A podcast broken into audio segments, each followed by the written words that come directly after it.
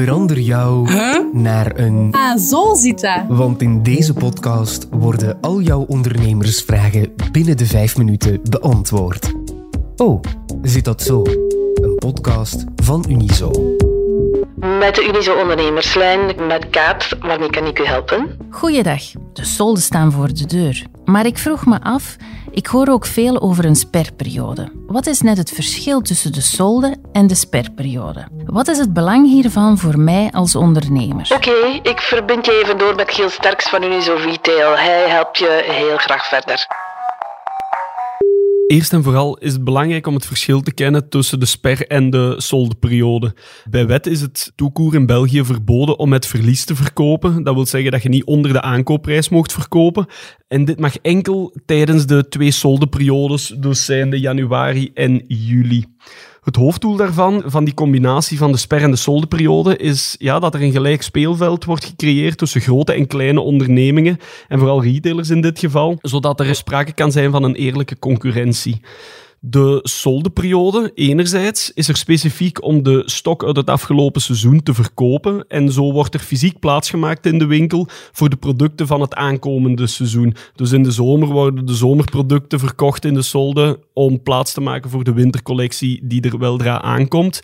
En die wintercollectie in dit voorbeeld, ja, die moet natuurlijk ook betaald worden. Waardoor dat er door die soldeverkoop ook liquide middelen worden extra opgebouwd aan het einde van het seizoen om die nieuwe collecties te kunnen betalen en de consument met nieuwe collecties te kunnen verwelkomen. Anderzijds is er de sperperiode en dat is dan de maand die voorafgaat aan de twee soldemaanden, dus december en juni. En daarin mogen geen individuele kortingen geafficheerd worden. Dat geldt zowel in de fysieke winkels als online. Dat wordt uh, allemaal over één kam geschoren en terecht. Korting geven mag je altijd, zolang je niet met verlies verkoopt.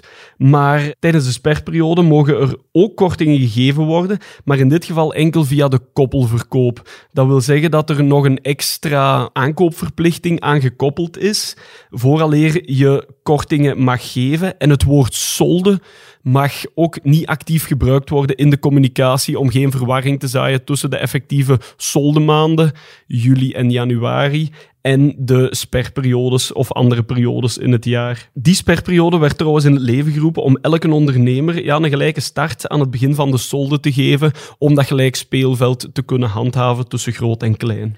Je kan dus stellen dat de solde- en sperwetgeving, die combinatie ervan, er is om die negatieve prijsspiraal en de permanente kortingsdrang door onderlinge concurrentie ja, af te vlakken en die eerlijke concurrentie voor zelfstandige retailers te bevorderen. Anders zouden kleinere spelers permanent grote delen van hun marge, die ze echt wel nodig hebben voor hun bedrijfsvoering optimaal te houden, ja, moeten opgeven om mee te kunnen in dat algemene kortingsverhaal. Denk bijvoorbeeld aan de mid-season sale, pre-season sale, after-season sale enzovoort enzovoort. Wat in het algemeen gewoon niet haalbaar is voor zelfstandige ondernemers, omdat zij natuurlijk ook ja, hun personeel, huur, winkelinrichting enzovoort moeten betalen. Als je dan bijvoorbeeld naar Nederland kijkt, dan loopt het helemaal anders zonder die specifieke solde- en sperwetgeving. Ze zijn er zelfs jaloers op, op hoe dat wij het hier in België aanpakken voor zelfstandige ondernemers binnen die wetgeving. Want daar is er eigenlijk een, ja, een open veld waarbij dat er uh, constant een negatieve prijzenspiraal is, dat er constant met kortingen wordt gegooid en zelfstandige onder ondernemers ervaren daar echt wel die concurrentie puur op prijs. Terwijl dat, dat eigenlijk niet de core business is van die zelfstandige retailers. Maar zij willen ook die service, zij willen ook die net ietsje meer bieden. Die uh, leuke producten in een leuke omgeving en beleving aanbieden.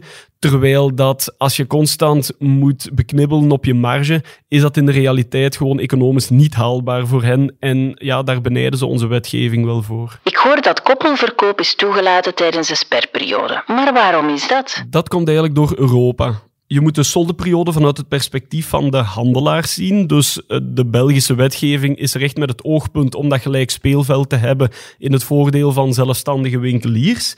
Maar Europa ziet dat voor de sperperiode vanuit het standpunt van de consument. Waardoor dat je toch wel ja, een, een, een verschil hebt in benadering. En daarom heeft de Belgische regering in 2012 verplicht de koppelverkoop moeten toelaten in de sperperiode. Daarvoor was er al de uitzondering voor onze traditie binnen de retail, waarbij dat er braderijen gehouden worden, waarbij dat uh, steden en gemeenten uh, in feeststemming komen, maar ook dat de verkoop aangezwengeld wordt tijdens het braderijweekend. Dat was dan even een periode van enkele dagen waarbij dat er een uitzondering op die sperperiode wetgeving werd toegelaten. Maar sinds 2012 is dus ook koppelverkoop verplicht vanuit Europa.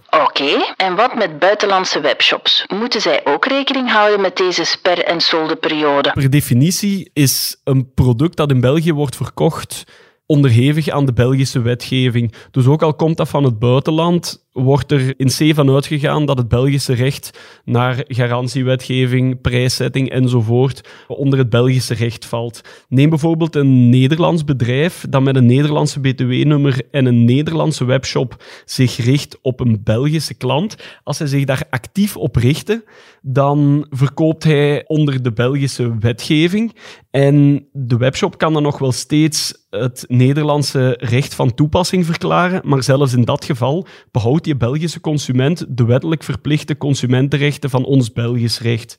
Enkel als een Nederlandse webshop zich niet actief op de Belgische markt richt, is het Nederlandse recht van toepassing.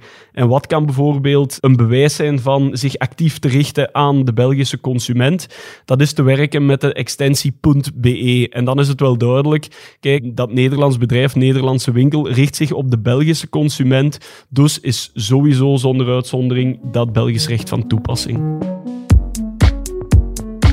O zit dat zo is een podcast van Unizo met expertise van onze interne diensten en partners. Je hoorde meer over de sper- en soldeperiodes. Zijn nog niet al je vragen beantwoord? Surf dan naar de kanalen van Unizo of klik op de link in de show notes. De productie gebeurde door Laurens Bervoets en Babette Plessers. Eindredactie was in handen van Philip Horemans, Jurgen Muis en Jasmina Plas. Ben je lid van Unizo? Dan kan je net zoals de ondernemers in deze podcast contact opnemen met de ondernemerslijn voor gratis advies. Dat kan gemakkelijk op het nummer 02 21 22 678. Wil je beroep kunnen doen op onze in-house expertise? Maar ben je nog geen lid van Unizo? Ga dan voor samen ondernemen en surf als de bliksem naar www.unizo.be.